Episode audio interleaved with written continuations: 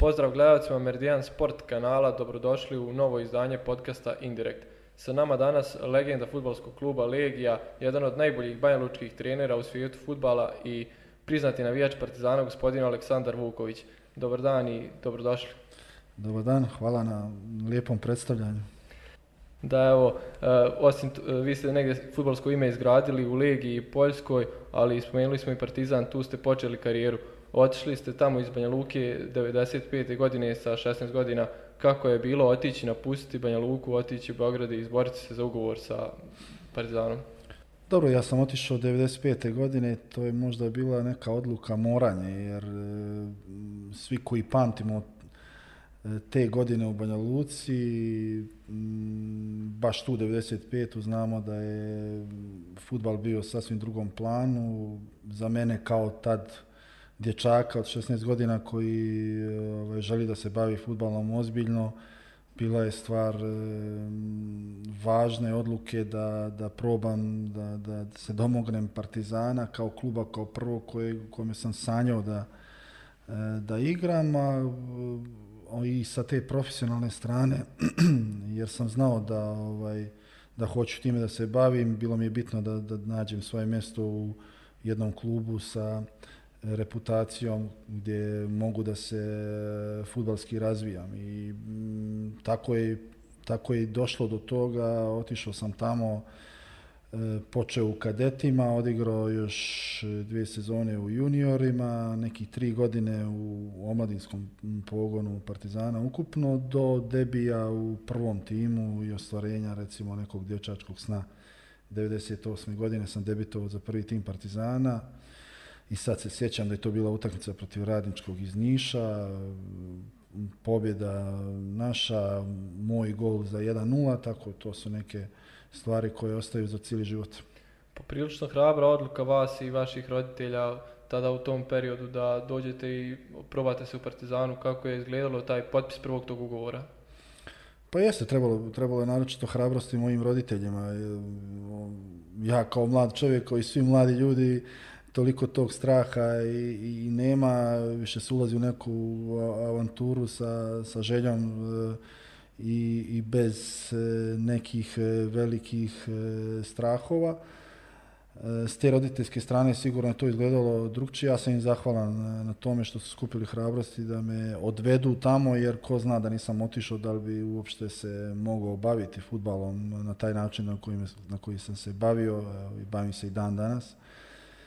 E, sjećam se sigurno e, svih mogućih detalja od, od, od dolaska u Partizan do potpisivanja prvog profesionalnog ugovora, do tog e, prvog razgovora sa tadašnjim direktorom sportskim Nenadom Bijekovićem koji je tad bio da kažem legendarni direktor s kojim je bila čast, bilo čast e, uopšte i pričati o, o eventualnom e, potpisivanju profesionalnog ugovora. to su neka sjećanja koja, koja su neizbrisiva i koja me čine jako ponosnim. E, jer te 98. godine, kada sam ja potpisao profesionalni ugovor s Partizanom na šest godina, ja sam na neki način zaokružio i, ispunio neki svoj dječački san eh, koji je krenuo od Lauša preko Borca i, iz Banja Luke i eto, eh, stigao sam do Partizana. Da li se tad rodila ljubav prema Partizanu ili je to porodična tradicija? Tradicione de familija, znači to je baš e, e, stvar te porodične tradicije kod mene, nije bilo nikakve dileme od, od kad znam za sebe da, da, da je to taj klub i uvijek sam bio ponosan da sam bio e, dio manjine u, u, u gradu Banja Luci, dio tog manjeg dijela ljudi koji kako mi kažemo, zna prave vrijednosti i mm, stvarno ta ljubav prema Partizanu je bila nešto što je e, mm, ispunilo moje djetinjstvo. Znači, mm, dječaka koji se jako interesovao prije svega futbalom, pa onda i samim klubom e, i svim ostalim sportskim e, ekipama koje potpadaju pod Partizan i ta ljubav je i dan danas e, prisutna. Ja, nisam od onih koji, s e, godinama ovaj, sa sazrijevanjem e, možda sam postao ozbiljniji, ali ljubav prema Partizanu i dalje je ozbiljna, tako da tu se ništa nije promijenilo. Ko vas je dočekao tada u omladinskom pogonu Partizana? Ko je bio prvi trener, a ko od nekih sa igrača danas poznatih? Pa moj prvi trener je bio legendarni Branko Rašović, to je trener, da kažem, s kojim sam e, imao prvi, prvi trening i prve neke e, zahtjeve u Partizanu. To je član generacije 1966. koja je igrala finale Kupa šampiona, što je za mene opet, znajući to, bilo doživljaj samo u sebi i e, sigurno najbolji mogući način da, da krenem svoj e, put u Partizanu. Sjećam se da je na prvim trenizima tamo bio Igor Duljaj koji je poslije e, postao to što je postao i još toj generaciji pripada, iako nije bio na prvim trenizima, došao je malo kasnije Ivica Ilijev, istako bi njih dvojicu, iako je tu bilo stvarno e, puno jako dobrih e, talentovanih momaka. E, Partizan je bio kao i sad mislim u tim nekim mlađim kategorijama stvarno rasadnik e,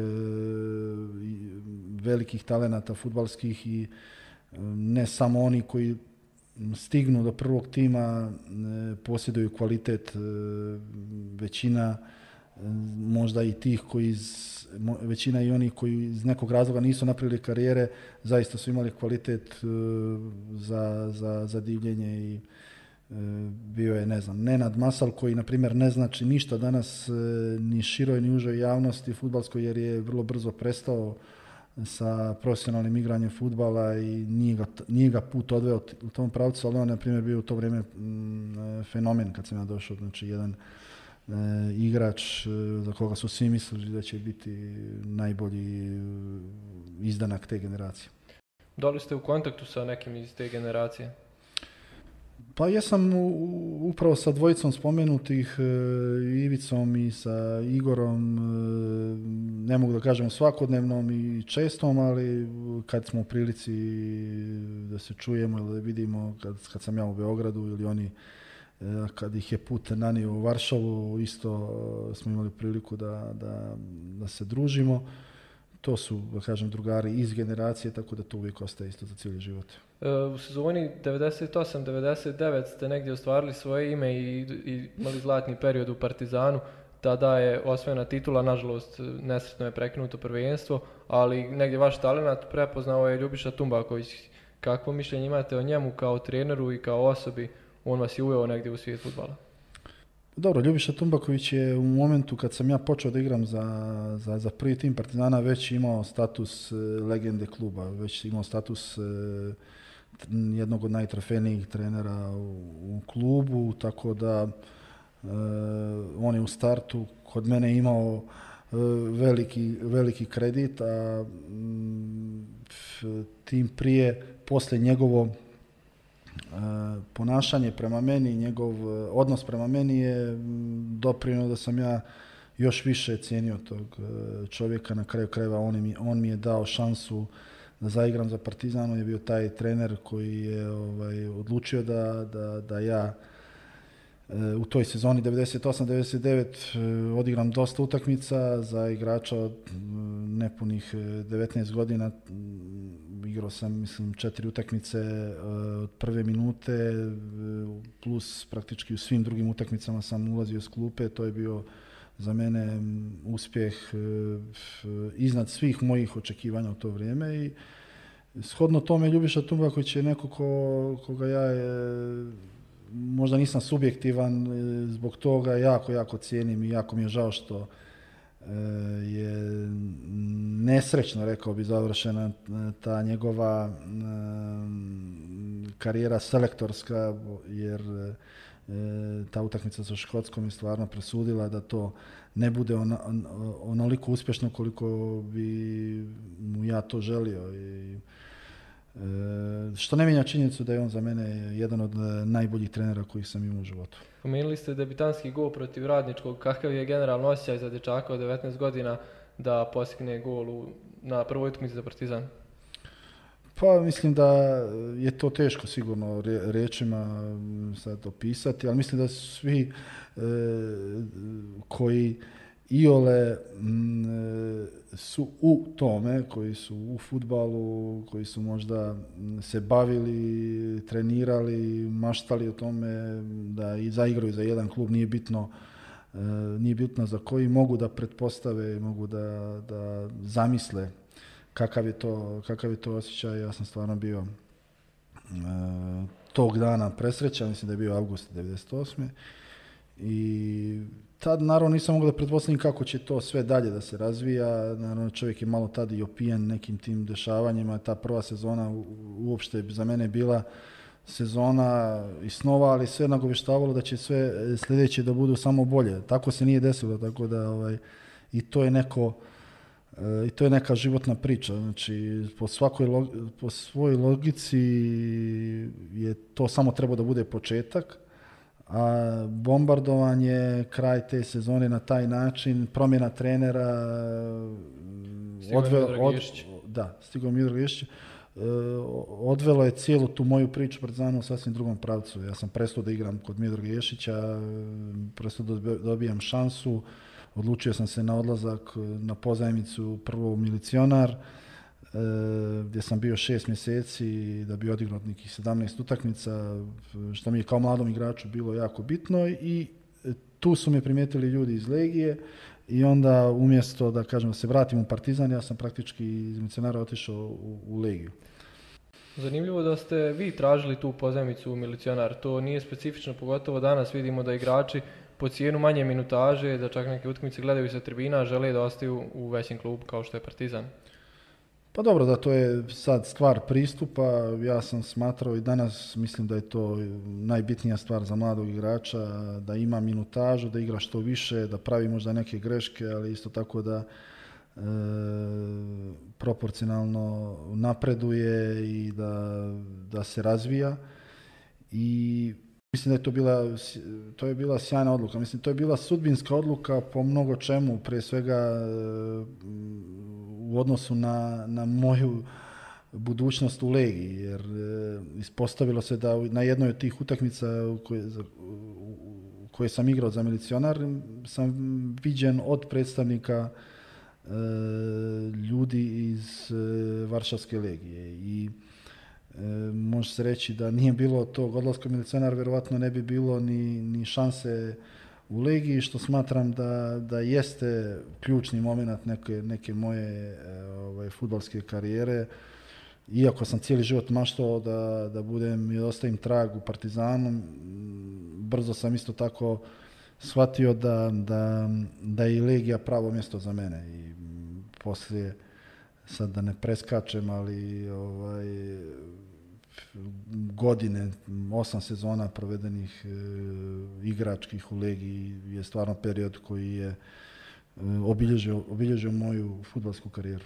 Vas je Legija primijetila na utakmici protiv Čukariću gdje su u stvari došli da gledaju jednog drugog futbolera Stanka Svitlice, je tako? Mm, to je zaista jedna specifična situacija i eto tako se, da kažemo, poklopilo se. Jeste, to je, to je ta igra sudbine, da kažem, ja stvarno vjerujem u to da, da, da, da svi mi imamo neku svoju neki svoj zapisani put e, koji nam je predviđen i koji, koji, koji pratimo. E, ja sam tu utakmicu čak, sjećam se, e, u zadnjem momentu odlučio da, da, da je odigram, pošto je to bio kraj sezone i već je tad bio moguć moj povratak u Partizan i bilo je čak govora da ne bi bilo dobro da, da možda ovaj, igram tu utakmicu zbog nekog rizika, da se povrijedim ili šta ja znam. Ja sam odlučio da, da iako ta utakmica nema neku takmičarskog značaja, da, da igram. Na kraju se ispostavilo da sam odigrao tako dobro da, da su ljudi iz Legije, tačnije trener Okuka koji je bio e, naš trener koji je bio trener Legije plus sportski direktor pitali odmah za mene i tako su oni došli u kontakt sa, sa Partizanom i, i tako počinje da kažem, e, moje uopšte razmišljanje o Legiji jer ja do tad Poljska nije bila ni u, ni u najdaljim snovima. Znači, jedino što sam znao o Poljskoj je da je Varšava glavni grad i da, ne znam, da imaju papu, tako da sve ostalo je bila za mene totalna nepoznanica, nikad nisam razmišljao da bi mogao tamo da, da, da završim e, kao, kao futbaler. Uslijedio je kontakt Legije sa Partizanom. Prva godina je bila na pozajmici u Varšavi. Da li je to bila vaša želja ili njihova? Spomenuo sam da, da Legija i sama Poljska nije bila ni u mojim snovima, tako da ja sam na početku bio e, skeptičan, nisam apsolutno vidio mogućnost e, dužeg vezivanja se sa klubom, u stvari za mene je presudno bilo to mm, jer sam tad imao 21 godinu e, i smatrao sam da je suviše rano da idem e, u inostranstvo. E, presudno je bilo to što je trener bio Srbin i čovjek s kojim sam imao direktan kontakt, koji me je zvao, s kojim sam pričao i on neki način me ubijedio da, da je to pravi klub za mene, da ću kod njega da imam E, sigurno šansu i, i mogućnost e, da odigram dosta toga, da imam dobru minutažu. To me privuklo i privuklo me to da, da sam e, insistirao i to je isto tako ovaj, prihvaćeno da idem tamo na godinu dana i da mogu da automatski da se vratim u Partizan jer ugovor me e, koji sam potpisao sa Partizanom i dalje vezo i to je mislim bilo onako presudno i onda, i onda slijedi taj, taj odlazak i stvarno e, onako kako je upravo mi predstavljao trener Okuka, odmah sam e, shvatio da, da sam došao u veliki klub, e, u klub koji ima problema jer sedam godina nije bio šampion, zahtjevi su uvijek veliki, ali ovaj, svoju veličinu uvijek e, posjeduje i to se osjeti na svakom koraku e, da je to najveći klub u zemlji i mm, glavnom gradu Varšavi, tako da e, od prvog momenta sam znao da nisam pogrešio i da je to ovaj, dobra, dobra odluka. Upravo tako, klub nije dugo, dugo je bio bez titule i onda vaš dolazak i prva godina odmah donijela je ligi titulu. Kakva je bila atmosfera tada oko i unutar kluba, navijači, prihvaćeni ste na najbolji mogući način. E, želja je bila da po svaku cijenu ostanete u ligi.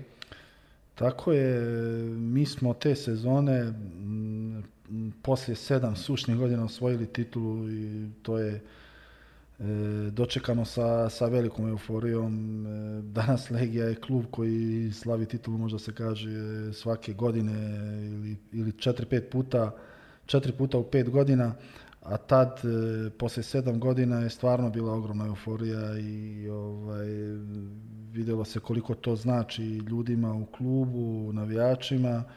Mi smo isto kao dio tima, bili e, jako dobro prihvaćeni, automatski e, ta euforija je uticala da je, da je, da je možda i taj neki osjećaj prema nama bio još, e, još jači, još pozitivniji. Trener Okuka je bio sigurno najzaslužniji za, za taj veliki uspjeh i mm, osim nas igrača što, na što smo isto jako ponosni iz Srbije, Stanka Svitlice i i, i mene.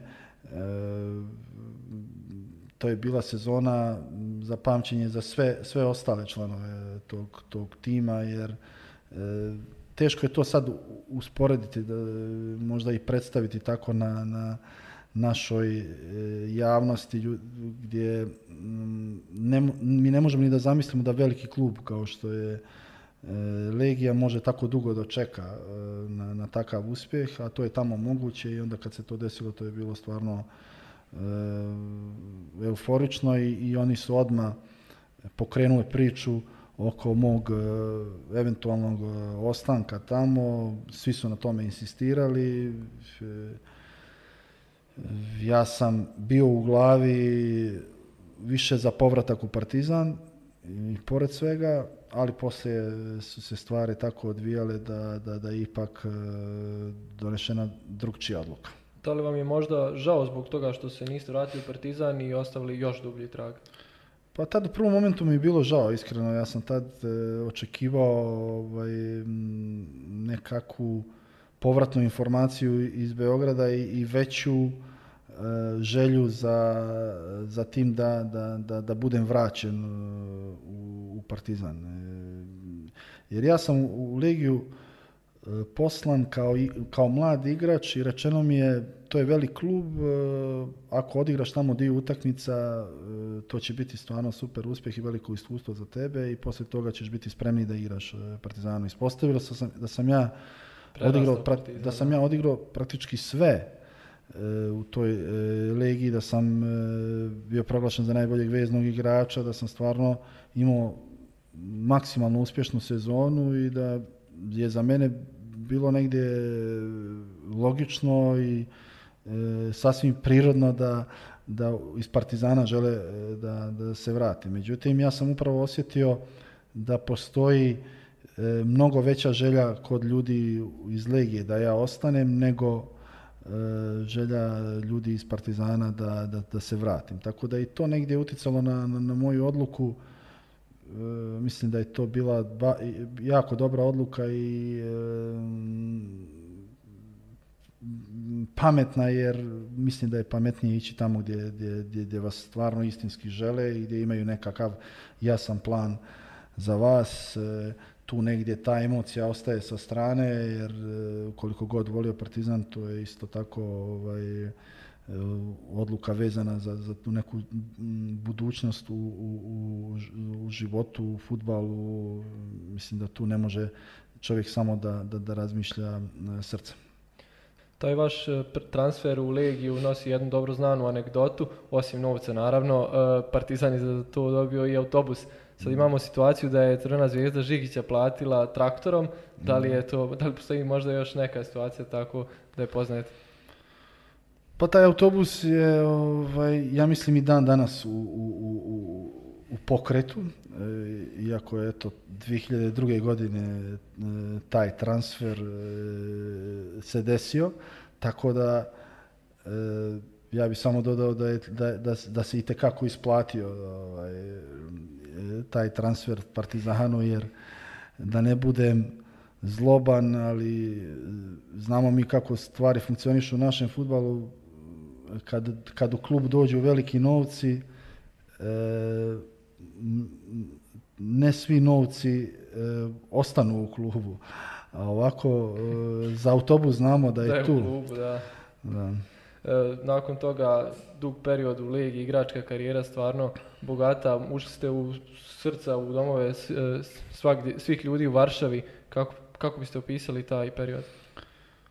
Pa, eh, rekao sam da sam od prvog momenta ovaj, shvatio da sam u velikom klubu i pošto sam eh, bio mm, i, i, i prije toga i vezan kao navijač za veliki klub, ja sam uvijek tu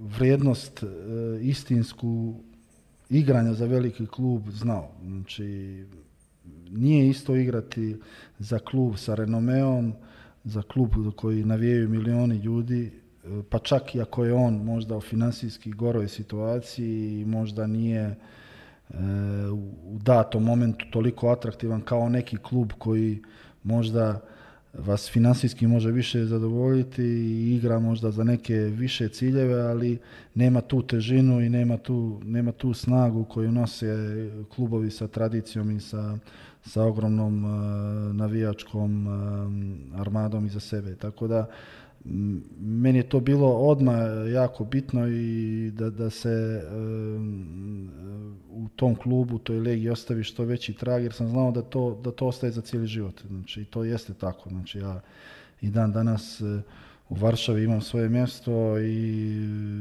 eh, to je nešto što je ne, neprocenjivo. Znači, to sam i kao poslije, sad e, možda e, opet preskačem na sljedeću temu, ali kao trener sam uvijek isticao e, taj značaj igračima, da oni moraju da budu svjesni da za kakav klub igraju i šta njima to sutra donosi, osim plate koju u tom momentu imaju i možda tog uspjeha za koji se bore u datoj sezoni tek za desetak, za petnaestak, za dvadesetak godina kad ostaviš, ostaviš trag u takvom klubu, ti znaš e, kako si veliku stvar e, postigao. Igračku karijeru, a i trenersku onda započeli ste u Korona Kilcevu, je li tako? E, igračku karijeru sam završio, U, Koroni Kelce, e, poslije osam sezona u Legiji, kratkog boravka u Grčkoj, bio sam nekih četiri sezone kao igrač u Koroni, to je jedan klub u kome, u kome mi je igranje zaista, zaista prijalo. Isto su igrali sve vrijeme ekstra klasu, sad više nisu ekstra klasi. Ovaj, I to su bile isto tako fine godine pred penzionisanje e, to igračko gdje sam stvarno uživao e, i onda tamo isto počinjem svoj, da kažem, e, novi put u, u, u futbalskom životu vezan za trenersku priču i e, prvi šest mjeseci tog trenerskog iskustva je upravo u koroni Kelce. E, jako to, jako, jako to ovaj, poštujem, cijenim. Ono što je interesantno, ja sam tad pomoćnik bio treneru Pačeti, e, Špancu, koji je danas trener bio je trener Elča, uveo je Elče u primeru i onda je odlučio da ode i, u ovom momentu je preuzeo e, drugi klub koji se bori za, za opstanak u primjeri, e, sad ne mogu da se sjetim, mislim da je Huelva, ili ima Huelva. E, mislim da je tako, da. Nije toliko bitno, ali hoću da kažem da, da je izuzetno e, nadaren trener i trener koji na kraju kraja danas radi u najjačoj možda ligi, jednoj od tri najjače lige e, svijeta, tako da je taj početak bio za mene jako ovako srećan i interesantan. Da li je postojao pred kraj igračke karijere dogovor sa upravom i stručnim štabom tadašnjim da po završetku e, pređete u trener? Pa više sam to iskreno imao sa ljudima iz Legije, jer sam ja tamo bio jako dugo i onda su oni uvijek isticali da ok, ja danas odlazim iz kluba, igraću možda još e, koju godinu, ali mora da znam da su mi vrata tamo otvorena i da što god budem htio da i kako god, čime god budem htio da se bavim, da mogu da, da ovaj, računam na to da, da su mi vrata u Legiji otvorena. I tako isto, e, tako isto i bilo. E, u koroni je to nekako bilo dosta prirodnije. Danas sam završio, E, odlučio sam da se bavim trenerskim poslom, oni su mi odmah rekli da, da imaju za mene naravno mjesto e, kao pomoćnog trenera i tako je, tako je to i, počelo.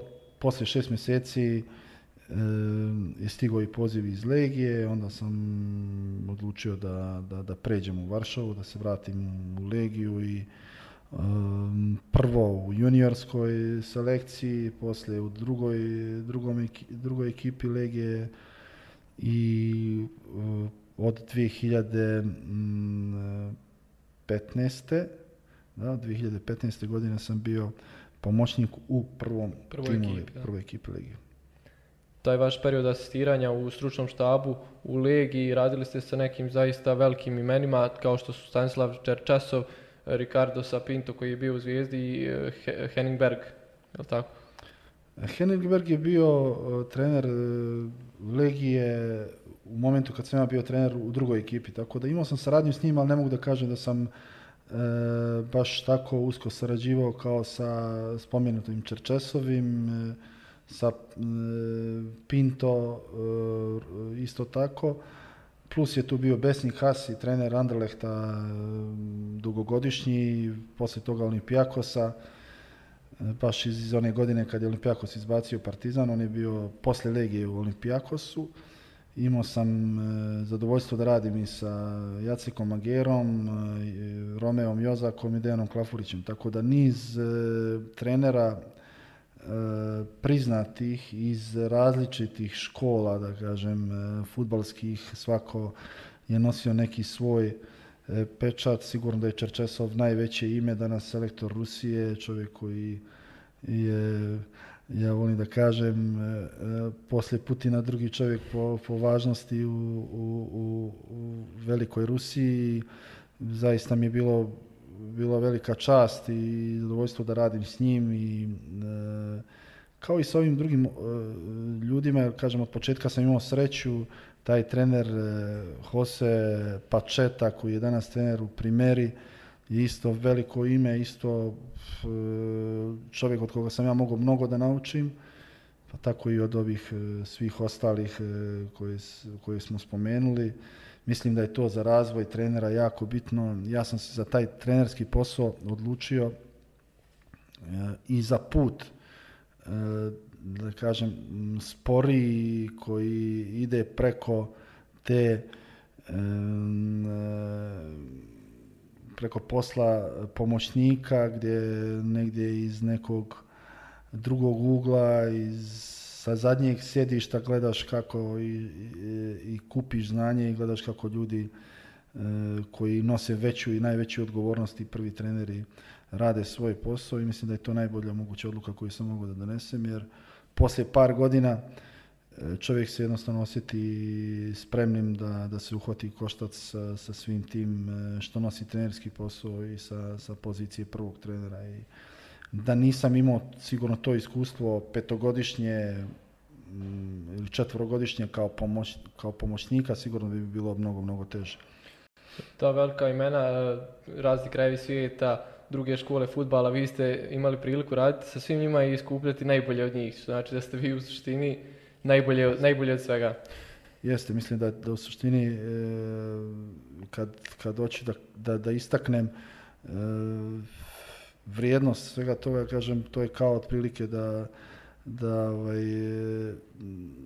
vam neko e, besplatno e, omogući e, visoko školovanje na, na nekoliko različitih univerziteta u različitim, u različitim zemljama, jer Ruska škola futbala se razlikuje od portugalske, od belgijske, od poljske, od Eh, Hrvatske, svih tih, eh, da kažem, eh, s kojima sam imao ja lično kontakt. Tako da mm, mislim da, da, da mi je to stvarno dalo mogućnost da se mm, maksimalno meritorički pripremim za ono što, što, što je potrebno, a trenerski posao je danas, mislim, neću da neću da ovaj, ništa oduzmem svim tim trenerima koji su u prošlosti eh, radili taj posao, ali mislim da je danas nikad složeniji, nikad eh, teži da se, da se ispune neki zahtjevi koji, koji, koji se stavljaju ispred eh, bilo kog trenera. E, tri puta ste bili i vršilac dužnosti trenera prije nego što ste dobili, sada samostalno vodite ekipu. Da li je taj poziv došao malo, da li ste ga očekivali malo ranije ili eto u tom nekom pravom trenutku, ako se navram, april 2019. Sad pokušavam da se sjetim, mislim da, je, da, da, da sam dva puta bio privremeno rješenje. I to je, da kažem, isto prirodan proces u momentu kad, kad se treneri u klubu mijenjaju. Ja kao pomoćnik, neko koji iz eh, redova kluba, imao sam taj zadatak da u prvom slučaju samo jednu utakmicu vodim, u drugom e, e, je to trajalo malo duže, mislim da sam tri utakmice vodio dok nije postavljen e, Ricardo sa Pinto. I ovaj, negdje sam to smatrao kao prirodan proces u, u mom nekom razvoju. Nijukom slučaju nisam tad očekivao da budem neko ko bi mogao na duže da, da, da, ostane e, kao prvi trener, jer se tad u tom momentu nisam za to ni, ni osjećao dovoljno, dovoljno spremljen, nisam smatrao da je taj moment. Mislim da moment kad sam dobio šansu je bio u stvari taj pravi moment, e, a to je treće to postavljanje, e, ti si u pravu stvari, jer to je bilo isto postavljanje ne, po treći put za kao privremeno prelazno rješenje, s tim što sam tad znao da i tad mi je rečeno da to može da da, da, da potraje. Ne kao ona prva dva slučaja gdje se znalo da, da sigurno neću da, da ostanem duže. Ovaj put je bilo, bilo bili, su, bili su svi otvoreni za, i za tu mogućnost da, da nastavim s radom i tako je bilo. Tako je bilo jer sam ja poslije tog e, prelaznog rješenja postao e, trajno. To je bila sezona 2018-19, onako već deset kola prije kraja navijači se pomirili da nema titule i onda ste vi došli i imali ste pet uzastopnih pobjeda. Praktično ste se ponovo uključili u trku za titulu. Jeste, izgledalo je to momentu da ćemo uspjeti da, da, vratimo ovaj, ekipu i da i da možda e, spasimo sezonu na taj način e, u, u, rezultatskom smislu da osvojimo titulu, međutim e, poslije tih pet e, pobjeda uvodnih kad je ekipa reagovala pozitivno na, na samu promjenu, ipak su izašle na vidjelo neke, neki nedostaci koje je ta ekipa imala u tom momentu tokom te sezone i uz jako dobar E, jako dobar pjast koji je praktički imao 10 pobjeda u zadnjih 10 e, kola, ili 9 pobjeda u zadnjih 10 kola mm, naših e, nekoliko nepobjeđenih utakmica, dva poraza, dva neriješena. u tih zadnjih pet kola mm, mi smo završili na drugom mjestu i negdje to možda bilo i, i, i najpravednije odnosno na to šta, šta je ekipa eh, prošla, šta je pokazivala tokom cijele sezone.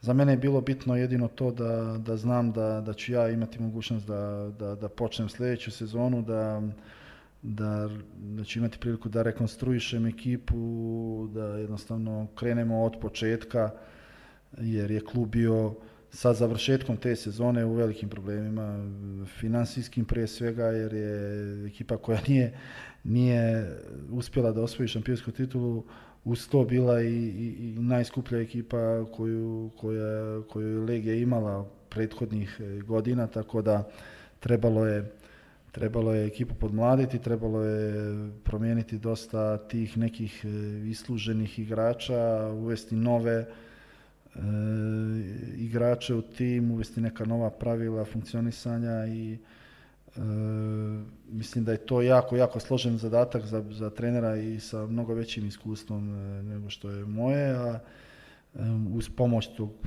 stručnog štaba kojeg sam imao sa sobom, mi smo, mi smo u tome smatram uspjeli. Kakva su razmišljanje bilo na kraju te sezone? Da li je bilo negdje možda žal što ste u zadnje dva kola mogli, ste, mogli do titule možda ili je bilo ok, vidjeli smo da možemo, sad ćemo u narednu sezonu da još jače što se kaže? Pa bio, sigurno da je bio žal, znači zato što ja uvijek gledam da, da u svakom momentu da izvučem maksimum i mislim da je to i sportski mm, da, je to jedan od, od naših e, zadataka e, kao trenera da izvučemo u svakom momentu maksimum iz, iz ekipe. Mislim da e, i tad e, je bila šansa i e, bilo je realno da, da uz još jednu, dvije dobre igre da dođemo i do, do titule koja možda ne bi bila toliko zaslužena i toliko potkrepljena nekim sistematskim radom i, i kvalitetom, ali bi, ali se isto tako slavila. E, mislim, titula je titula, li tako? E, sad, na kraju se e, samo to pamti. Jeste, na kraju se to uglavnom pamti, ali tad je kod mene provladalo to e, osjećanje da ja u stvari sad dobijam tu svoju šansu. Znači, imam mogućnost da pravim i da slažem ekipu onako kako ja zamišljam, imam ograničene mogućnosti, e, moram da pomirim e, sve moguće zahtjeve koje, klub pred mene stavlja, a to je da e, je budžet niži nego dosta niži nego prethodne sezone, da, da moram da da moramo da prodamo nekolicinu tih igrača koji, koji dalje bi bili i pravili razliku, da moramo da uvedemo nove ljude u tim i da moramo da budemo spremni od, od, od početka sezone jer igramo u Europu, a i e, želimo da se vratimo na vrh e, i da osvojimo titulu u sljedeće sezone.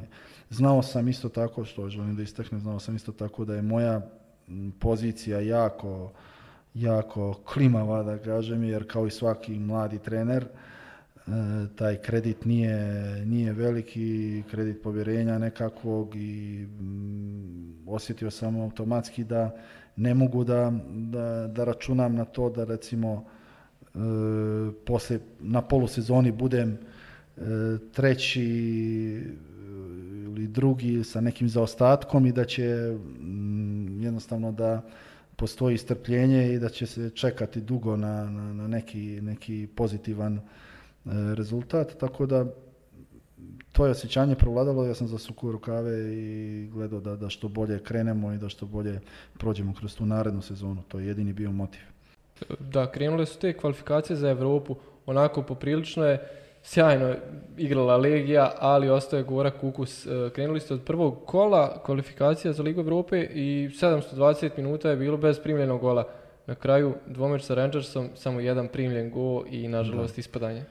Da, ali to je, to je za mene mm, podatak za, za, za ponos u odnosu na, na, na to šta smo mi e, u tom momentu imali i šta, kakve su naše mogućnosti bile i stvarno sam ponosan na ekipu da je uopšte e, da, je, da uopšte takav e, proces i takav put prošla kroz te prve europske utakmice koje smo prošli, a na kraju igrala dve ravnopravne utakmice sa, sa Glasgow Rangersom koji je tad se vidjelo ekipa mnogo, mnogo jača od, od nas sa mnogo većim mogućnostima i dan danas se to potvrđuje, ta ekipa koja je i danas uspjehom igra u Europi, prvaci su Škotske posle toliko godina, to je isti tim s kojim smo mi igrali dvije utakmice u Varšavi 0-0 u 90. minuti kad smo već spremali nekakve planove i izmjene za, za produžetke. Primili smo gol e, nesrećno e, u 90. minuti ispali iz, iz e, Europe, nismo ušli u grupnu fazu Lige Europe, ali je negdje to meni bio pokazatelj da idem u dobrom pravcu i da, da ekipa mm, ima prava da, da razmišlja, iako je preživjela mnoge e, promjene i dosta je mlađa, dosta je e, skromnije, skromnije e, pravljena sa skromnim budžetom, da ima prava da, da, da razmišlja da, da će ostvariti uspjeh i u u, nacionalnom šampionatu i, i, to se ispostavilo tačno. Da, bila je presudna i ta neka loša sreća u žebu Rangers je tamo završio onaj proces vraćanja iz četvrte lige i nije, nije bio nešto visoko rangiran po tom uefa koeficijentu, a u stvari kvalitet ekipe je bio znatno veći upravo to, na... ja mislim da je tamo od par mogućnosti koje smo imali da je to bila daleko ovaj, E, daleko najjača ekipa koju smo mogli da, da izvučemo i ona, ona, ona se desila jer smo mi njih izvlačili kao ekipa, mislim čak iz povlaštenog e, e, upravo zbog tog, zbog te razlike u koeficijentu koji, koji Rangers uhvalio zbog nenastupanja nekoliko sezona, što nije mijenjalo činjenicu da su oni jako, jako, jako jak tim. Da, ali to nesretno ispadanje e, vas nije poljuljalo te sezone. Legija je osvojila titulu koju je obezbijedila dva kola prije kraja.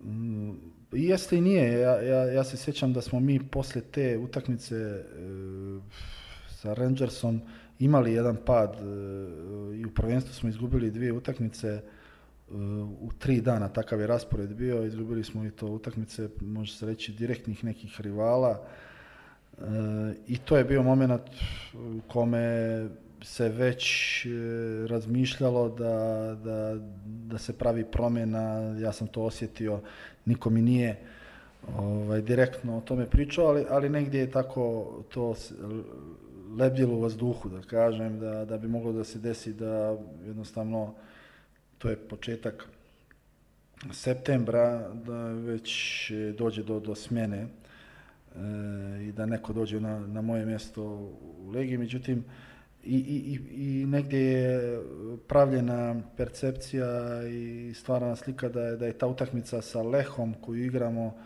kući ta koja odlučuje o, o mojoj sudbini. Znači, e, tako da bilo je interesantno poslije tog ispadanja iz Glasgow Rangersa, nije sve išlo baš e, glatko, ta utakmica s Lehom je bila možda i taj neki e, moment preokreta jer smo mi tu utakmicu gubili 1-0 u 60. minuti i onda smo u e, izjednačili u 80. i, i u 90. smo e, pobijedili 2-1 i bukvalno je ekipa u tom momentu eksplodirala u onom pozitivnom smislu, to je bio taj ključni moment, e, poslije toga kreće serija od nekoliko visokih pobjeda po 5-0, e, jednostavno počeli smo da dominiramo takmičenjem i svi su vidjeli da smo, da smo jednostavno e, u takvom zaletu i,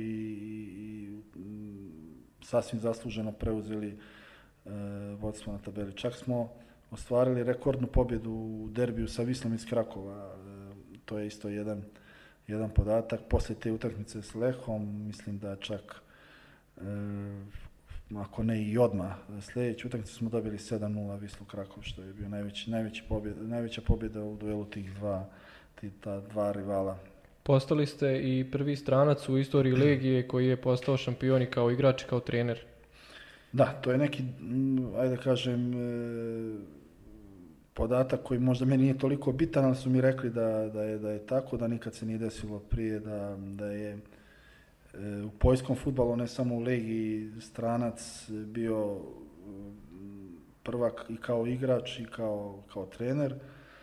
E, dodata dodatan razlog za zadovoljstvo, ali nije mi to nekako bio neki sad poseban prioritet. Ja sam više bio ponosan na neke činjenice da kao trener koji prvu sezonu svoju životu vodi kao samostal, kao prvi trener. E, osvajam titulu u jako dobrom stilu, gdje svi su, što nije u Poljskoj e, e, svakodnevnica, svi su bili jednoglasni da smo kao Legija apsolutno zasluženo i da, imamo najbolju igru, najbolju ekipu.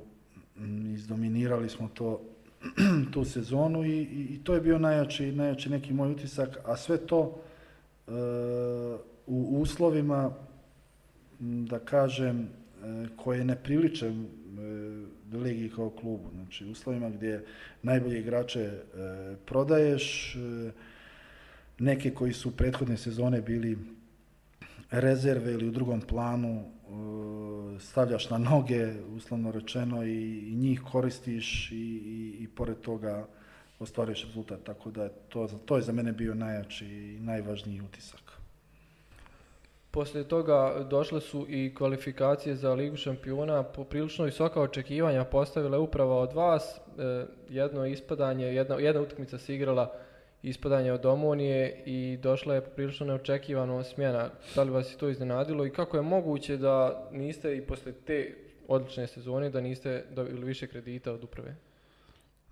Pa to je, mislim, ključno pitanje. E, to su dosta ovako, da kažem, e, postavljali u Poljskoj i to je bilo veoma, veoma iznenađujuća reakcija.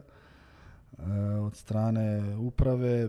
Za mene ne toliko jer sam ja bio naravno unutar svega i znao sam e, kakva su razmišljanja i kakve su naše isto tako razmirice koje možda nisu ni za, ni za javnost i koje, nisu, koje nikad nisam ni, ni iznosio. Jednostavno postojalo je toga dosta E, što se dešava unutar kluba između, između trenera i, i, i uprave u, razgovorima o budućnosti ekipe, ko treba da ostane, ko treba da ode. E, već tu su postojali neki, e, neki momenti koji mislim da su jako dosta uticali na, na, na, na odluku koja je bila totalno nelogična jer cilj za nas kao za, za, tim i za, za, mene kao trenera je bio ulazak u Ligu Europe. Mi smo ispali iz kvalifikacija za Ligu šampiona, ali smo automatski bili dalje u, u igri ovaj, za, za ulazak u Ligu Europe. Ovaj put nismo imali pred sobom Glasgow Rangers, već smo imali, ja sam već imao Eh, jasnu viziju da igramo protiv Drite iz Gnjilana i poslije toga što je očigledno da, da, da, da ćemo proći, poslije toga sa Karabahom iz Azerbejdžana, znači sa dva eh, protivnika koji, koji su sigurno u našem, na našem nivou ili niže i koje mi možemo da prođemo. Eh, mislim da, da je negdje samo E, napravljena greška u odnosu na, na to što, što je potreba kluba i ekipe jer e, nemam sumnju da je ta odluka donešena na neki način e, u, u punoj e, uvjerenosti da, da, će, da će ekipa i tako i tako da uđe u, u Ligu Europe jer su svi znali koga smo izvukli i da oni samo nisu željeli da ja dalje budem e, trener, ti neki e, ljudi iz kluba. I jedino što su, što su u cijeloj toj priči pogriješili, gdje su se zaigrali, je to da, da, nisu znali kako jak e, udarac je to za, za samu ekipu i koliko su dezorientisali ekipu koja jednostavno nije ličila na sebe poslije utakmice sa Karabahom E, gdje, gdje, se, je bilo normalno da, da, da u jednoj utakmici kući e, prođemo, izgubljena je utakmica 3-0 e, i to je bilo ono najniža, najniži mogući rezultat koji je mogao da se desi na osnovu onoga što je viđeno na terenu. Tako da mogu da kažem da su tu napravili pogrešnu procjenu ti koji su jednostavno smatrali da, da ja treba da odem, a da ovaj, će oni tako i tako da, da ostvare zacrtan cilj. Jer je bilo očigledno da moj ulazak e, u Ligu Europe sa ekipom e, produžuje jednostavno moj e, boravak do, možda i do dana današnjih automatski ne bi bilo apsolutno nikakve šanse da, da, da, i razloga da, da me se mijenja. Da, to je onako vrlo brzo postalo jasno da je loša odluka uprave. Da kažemo, imali ste tako jednu naštimovanu ekipu, a mjesto da se, kako je upravo očekivala da će probuditi ekipu, ona je samo dodatno utonula. Jeste, tim prije da jel treba, mislim ja sad, već je prošlo dosta vremena i neke stvari i ja sam zaboravljam, a, evo, sad kad si ti e, napomenuo, podsjetio si me da ekipa je bila namještena i ekipa je bila namještana za upravo tu utakmicu. Znači mi smo sve podredili toj utakmici, a ono što je bila naša eh, olakšavajuća okolnost u tom momentu da, da mi smo na te utakmice s Karabahom prvi put mogli od početka sezone da računamo na sve igrače. Znači mi smo eh, sa Omonijom igrali bez praktički 3-4 eh, jako bitna igrača i svi oni su bili uh, u pogonu i, vraćali su se na utakmice sa, sa, sa eventualne utakmice sa Karabakom koji uh, koje smo, smo uh, trebali da igramo svi zajedno. I, I, tako da hvala što si me podsjetio, ali to je nešto što, što stvari jako boli jer na, Kar, na Karabah novi trener koji je došao ne znajući još dovoljno tim, ne poznavajući potrebe tima, je izveo sasvim, sasvim drugi e, sastav u odnosu na to koji, koji je bio pripreman i to je, zato je plaćena visoka kazna i mislim da e, objektivno govoreći koliko god ja subjektivan bio, znači ta odluka je na kraju ispala jedna od, od, od e, glupljih koje je klub e, donio u, svojoj istoriji. Kako su igrači, a kasnije i navijači reagovali na tu odluku? Pa, što se tiče samih igrača, mi smo imali jedno veliko jedinstvo u ekipi, e, to nas je krastilo tokom cijele sezone, tako sam negdje Eh, ekipu i eh, vodio i tako razmišljam i dan danas. Mislim da je u, u jednoj futbolskoj ekipi, u radu s njom najvažnije eh, zajedništvo, najvažniji duh koja, koja ekipa ekipa posjeduje, jer svaka ekipa ima lošije i bolje momente, nijedna ne pobjeđuje stalno, ali kad postoji mm, zajednička ideja, zajednički duh, onda se iz tih nekih težih momenata izlazi mnogo lakše i e, ja sam imao maksimalnu podršku, to sam osjetio, kažem, to nije bila isto tako e, činjenica koja, je, koja se podrazumijeva, jer su treneri u ligi mijenjani i ranije i uvijek je bilo govora da su igrači na, na to uticali, da su oni nekim svojim postupcima čak i E, da grubo to kažem, da sabotažom dovodili do toga da, da trener e, bude promijenjen, a ovaj put e, ja mogu da, da, da, da i bilo je potvrđeno da je ekipa bila maksimalno korektna i uz trenera i, ja sam na to jako ponosan kao i na sve što je urađeno s tom ekipom u, u u godinu i pol dana koliko sam ja bio e, prvi trener, mm, dan danas e, smatram to na neki način svojim timom, iako sad se već e, ekipa polako mijenja, danas ne postoji, naročito u Legiji, ne postoji taj neki mm, ta neka stabilnost i konstanta što se tiče e, sastava, vrlo brzo se mijenjaju.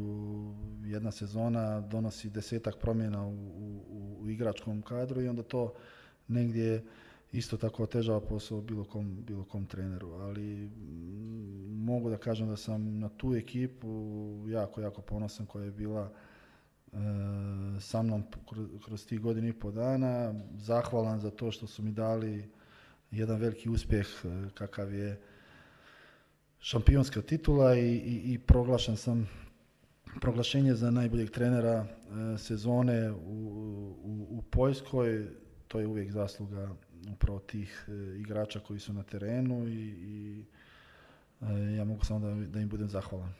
Da li ste imali drugarski odnos sa igračima tokom karijere i Ja, ja sam pristalica odnosa koji postoji koji ima jedan, jedan balans. E, ne može nikad trener da bude prijatelj sa igračima zato što e, trener mora da donosi odluke koje nisu uvijek isključivo u interesu e, tog prijatelja, već prije svega u interesu tima E, opet, s druge strane, daleko sam od eh, želje za nekom diktaturom i za nekim eh, razmišljanjem u kome treba da držim sve pod, pod kontrolom i pod nekim pritiskom gdje nema, nema slobode, gdje nema odnosa tog nekog ljudskog i gdje svi stvaramo neku atmosferu gdje možemo jedni na druge da, da računamo. Ja mislim da da je taj balans e, jako bitan i mislim da smo to imali, tako da e, kod mene je bilo, bilo veoma jednostavno e, funkcionisanje veoma jednostavan odnos. Svako onaj ko, koji je dao sebe 100%, koji, se, koji je imao zalaganje na najviše mogućem nivou, nije imao čemu da se, da se brine. Jer greška nikad nije bila problem, poraz nikad nije bio problem, ali zato je uvijek bio problem i to je bilo ono što se kaže pravo u, u, čelo saopštavano bilo kakav vid e, nezainteresovanosti ili nedavanja sebe za, za, za tim. Legija ima tu veliku bazu navijača, tako da kažemo, kao i Partizan, a bili ste u odličnim odnosima sa njima i dok ste igrali i dok ste bili trener. Kako ste izgradili taj odnos? Pa nisam se trudio da ga gradim, mislim da je to najbolji način. Mislim da sam samo e, razmišljao o tome kako najbolje da radim svoj posao i da unesem što više energije i srca u to što, što radim u klubu i kao igrač, a poslije kao trener. Mislim da je to e, najkraći put do, do Mm, respekta kod e, ljudi koji prate, kod navijača. Mislim da ja kao navijač sam uvijek isto tako to očekivao od e, e, svakog igrača. Pristalica sam one Duška Radovića da kad kaže molimo igrače Partizana da, da urade sve da pobjede, a ako ne pobjede, ovaj put, put pobjedit će neki drugi put. Tako da ovaj, i ja sam isto e, na taj način prilazio e, e, tematici kad sam bio sa ove druge strane kao kao učesnik, igrač, trener i na taj način mogu da kažem i zadovoljstvom, sa zadovoljstvom da istaknem da sam stekao poštovanje kod navijača ligi. Da, oni su u svijetu poznati kao poprilično vatreni, da ne kažemo problematični. E, bili su tu raznorazni transparenti, kao što je UEFA Mafija i još neki incidenti. E, Liga je igrala dvije od tvoje tri utakmice u Ligi šampiona bez navijača. Da li prije tih nekih važnih utakmica od strane kluba, da li dolaze sugestije, molbe, apeli na navijače da bude bez problema, pošto svjedoci da kod nas pa čak i mjesec dana prije tih utakmica mole se navijači. Jeste, to ima e, kao i kod nas to je sve mač sa dvije oštrice, taj, e, mm, ta baza navijačka koja mnogo puta e, donosi jednu dodatnu, dodatni kvalitet ili dodatnu zanimljivost e, za sve.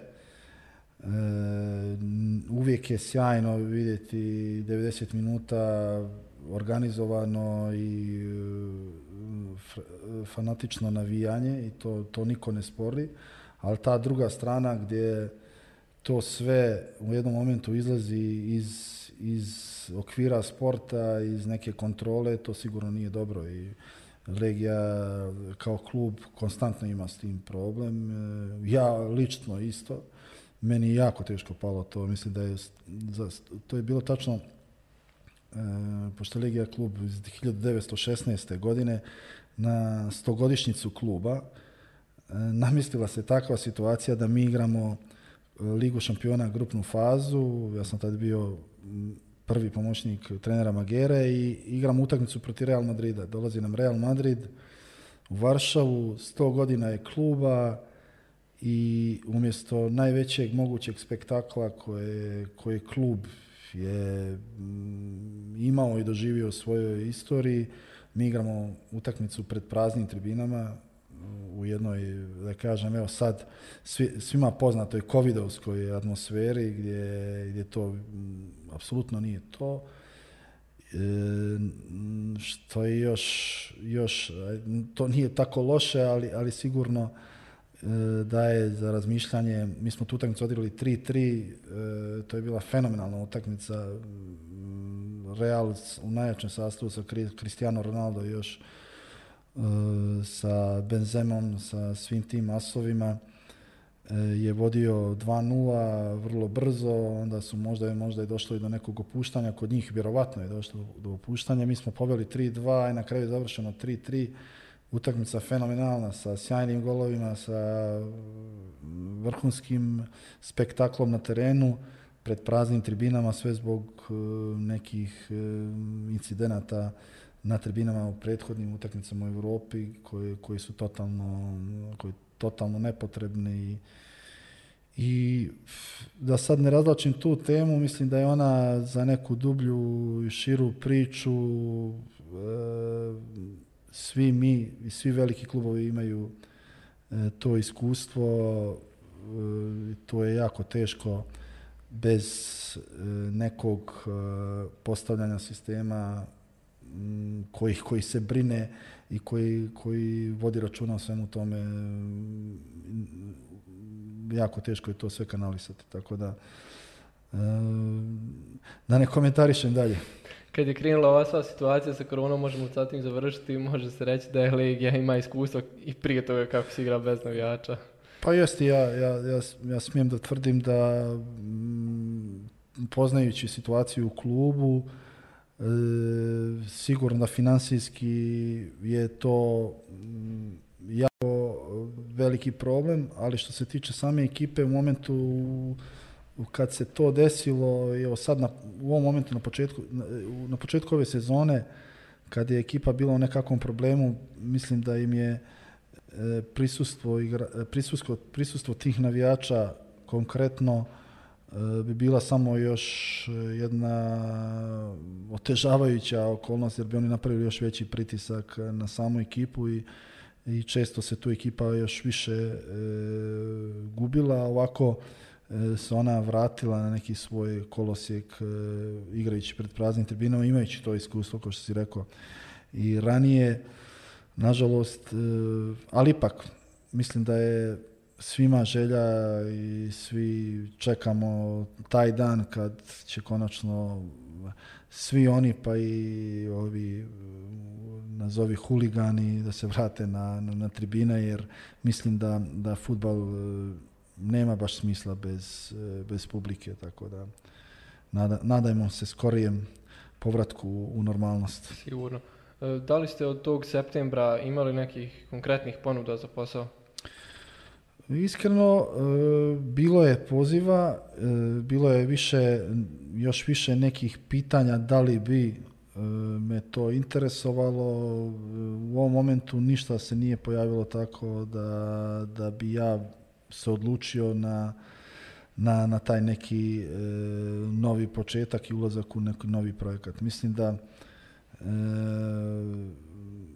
razmišljanjem ide u tom pravcu da u ovom momentu kakva je situacija e, i nije baš ni pametno ulaziti u nešto u neki novi projekat jer mene to čeka. Mene čeka ulazak u klub, verovatno koji ću upoznavati od, od, e, da kažem, od početka i za to uvijek treba vrijeme, za to trebaju normalni uslovi, a danas ne vidim baš normalne uslove gdje god da, da, da se čovjek odluči za posao, sve to stoji na nekim klimavim nogama, hoće biti treninga, neće biti treninga, hoće biti utakmica, neće biti utakmica, kad će to sve da e, počne, kako će sve da se odigra, jako je teško planirati, tako da sam negdje razmišljan da ova godina jeste godina u kome kojoj ja mogu da odmorim. Poslije puno godina intenzivnog rada nisam imao ovakvu, pa, nisam imao pauzu, a nadam se da, da s krajem godine najkasnije, početkom sljedeće, da će situacija biti puno bolja i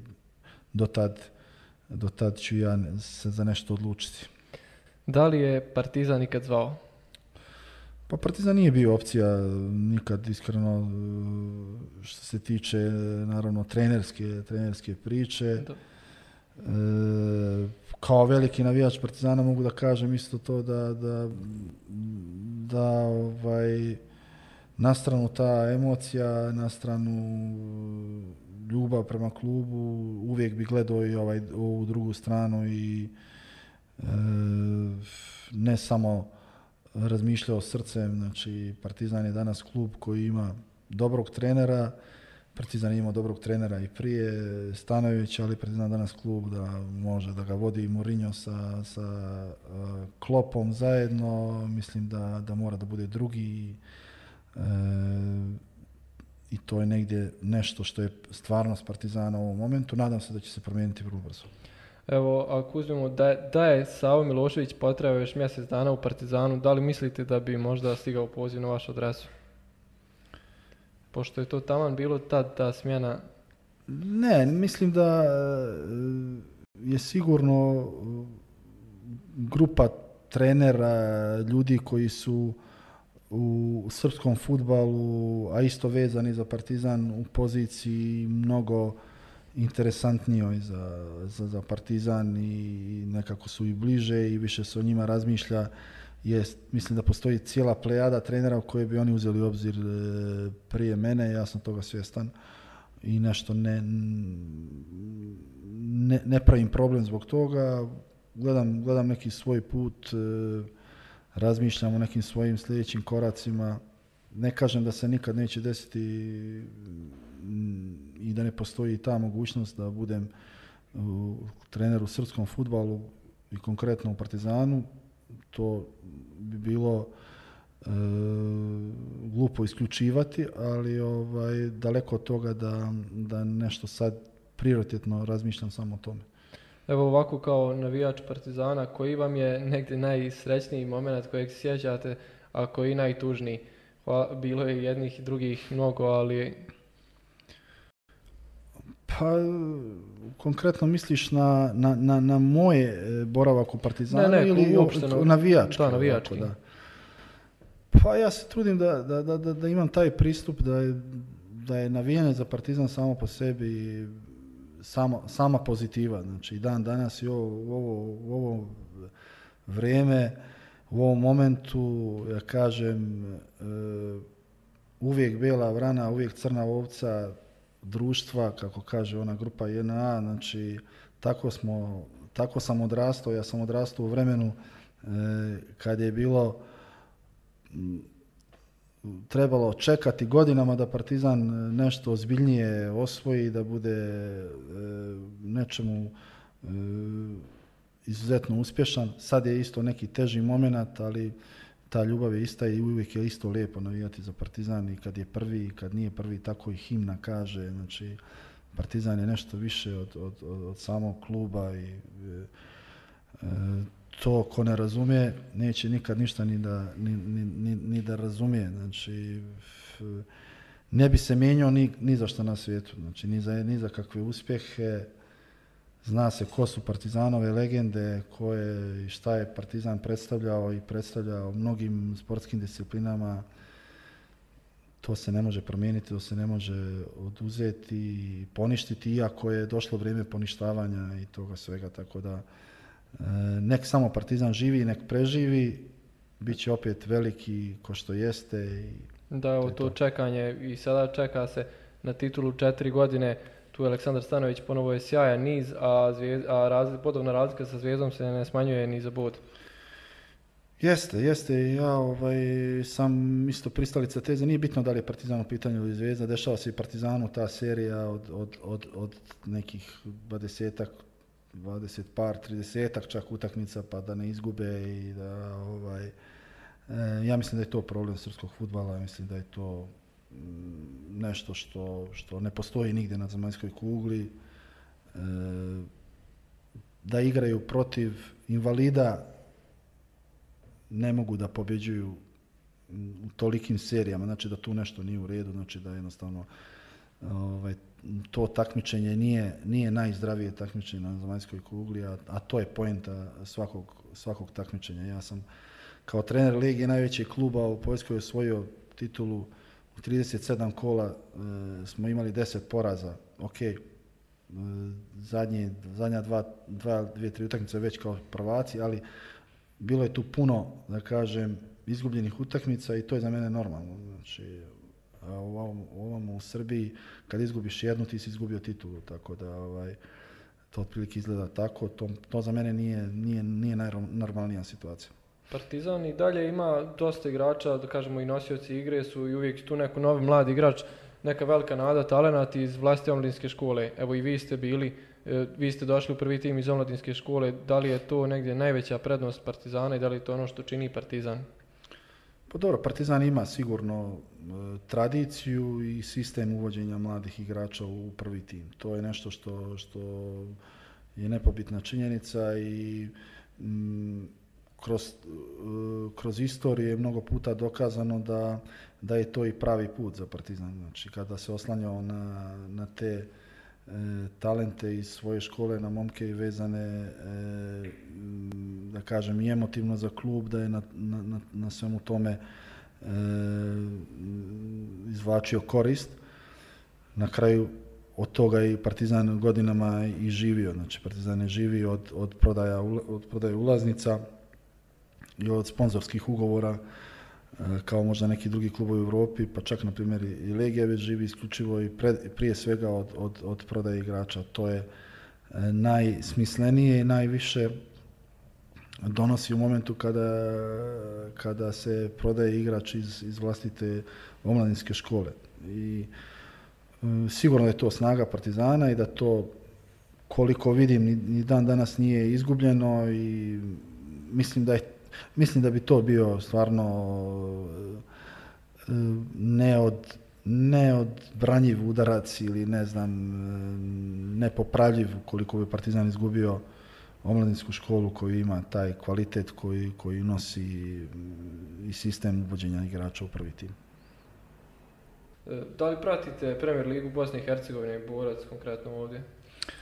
Pa moram da priznam da sad u ovom momentu kao nikad do sad. Znači, evo sad kako je posle nove godine krenulo takmičenje, gledam dosta toga, dosta utakmica sam vidio i tog premijer, premijer ligaškog e, takmičenja. Naravno, tamo boravići u Poljskoj dosta rijeđe i ovaj, imao sam naravno mogućnost da preko arene ispratim neku utakmicu, ali Eh, uvijek čovjek imao neke svoje obaveze koje su ga udaljavale, a ovdje sad baš sam onako mogu da, ne, neću da kažem sam u toku, ali evo sad već malo više eh, znam o, o, o, tom šampionatu i kako borac izgleda, pratim dosta Krupu isto kao klub, eh, tu, tu naš isto i oba kluba dva mlada trenera, izuzetno mlada, tako da ono, želim im e, svu sreću. Dobro ste ispritali igre u Europi, Borac se igrao dobro protiv Rio Ave, a Sarajevo je došlo na korak od grupne faze Lige Evrope. Ne znam da li znate podatak, e, Sarajevo prošle godine je jedina ekipa u Europi bez poraza u domaćem prvenstvu. To nisam znao, da znam da, e, e, da, su, da su im priznali titulu prije praktički završetak, da se nije nastavilo. Nije se nastavilo, Nije se to je isto specifično, nije, nije u svim ligama bilo tako. E, znam da je tamo Marinović trener, da je to trener koji već sad mm, ima respektabilnu karijeru iza sebe, uspjeh u Zrinskom, uspjeh u, sad već u Sarajevu.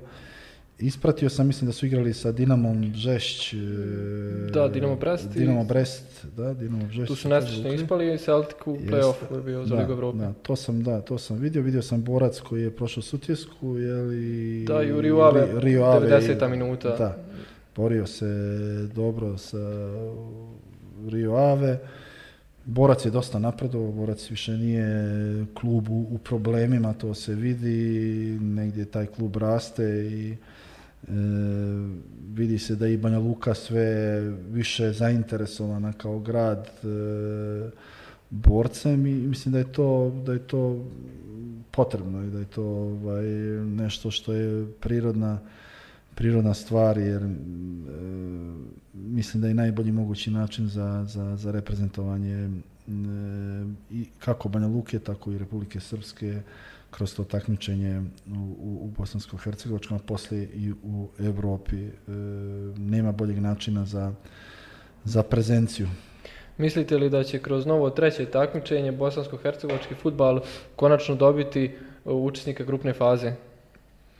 Pa vjerujem da hoće, vjerujem da hoće, vjerujem da će e, ok, tim promjenama koje su s jedne strane naklonjene mm, upravo tim e, ligama manjim i, i e, klubovima sa nižim budžetima. E, s te strane će sigurno oni dobiti svoje mjesto pod suncem i veću šansu za, za bitisanje, ali isto tako vidim da, da to sve ide u pravcu mm, jednog mm, totalnog odvajanja tih najvećih e, i najbogatijih od, od svih ostalih i da je to neminovnost, a to kad se desi mislim da, da i bojim se da će sve e, osim takmičenja koje će igrati ti najveći i najbogatiji klubovi biti interesantno ovaj, ispraćeno pa čak i ako, se zove evropsko takmičenje neko.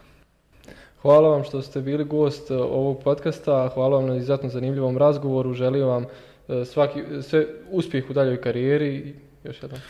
Hvala vama puno na vašem pozivu, želim vama puno sreće, vi ste na vašem početku, tako da, da. se razvijate, da izrastete u najrespektabilniju moguću i televiziju i stranicu sportsku na ovim prostorima. Hvala puno. E, bio je to Aleksandar Vuković, hvala vam što ste gledali i ostanite uz Meridian Sport.